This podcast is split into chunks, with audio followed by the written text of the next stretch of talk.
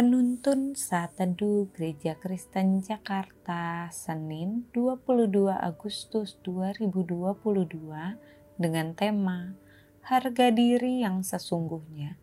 Firman Tuhan terambil dari 1 Petrus 1 ayat 18 sampai 19 berkata demikian.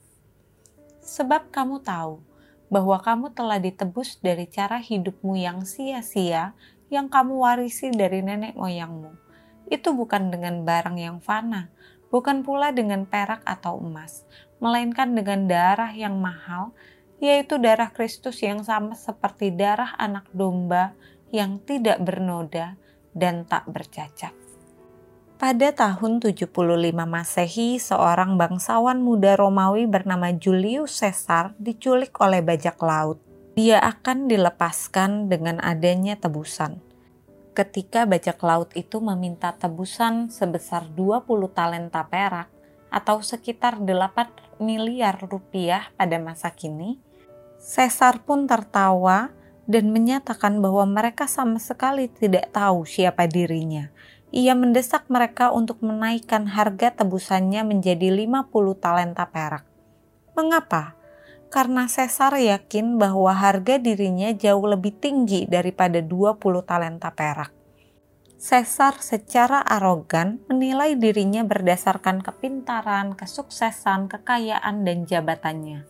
Padahal semua hal yang ia miliki sangat mungkin hilang seiring berjalannya waktu.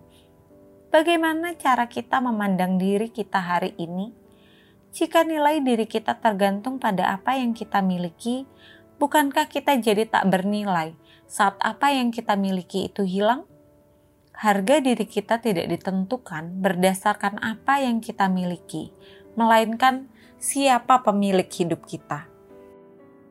Rasul Petrus menegaskan bahwa nilai diri kita seharga darah Kristus.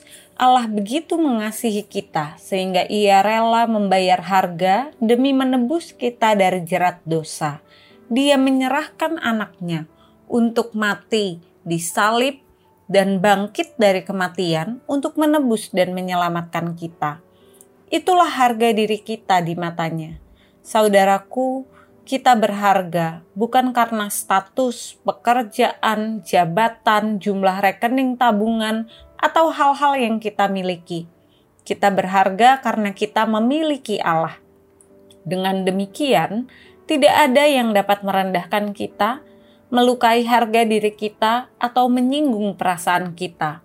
Harga diri kita yang sesungguhnya terletak pada penerimaan Kristus atas hidup kita, dan sama seperti Kristus telah mengampuni kita, sudah selayaknya kita mengampuni mereka yang melukai dan merendahkan kita.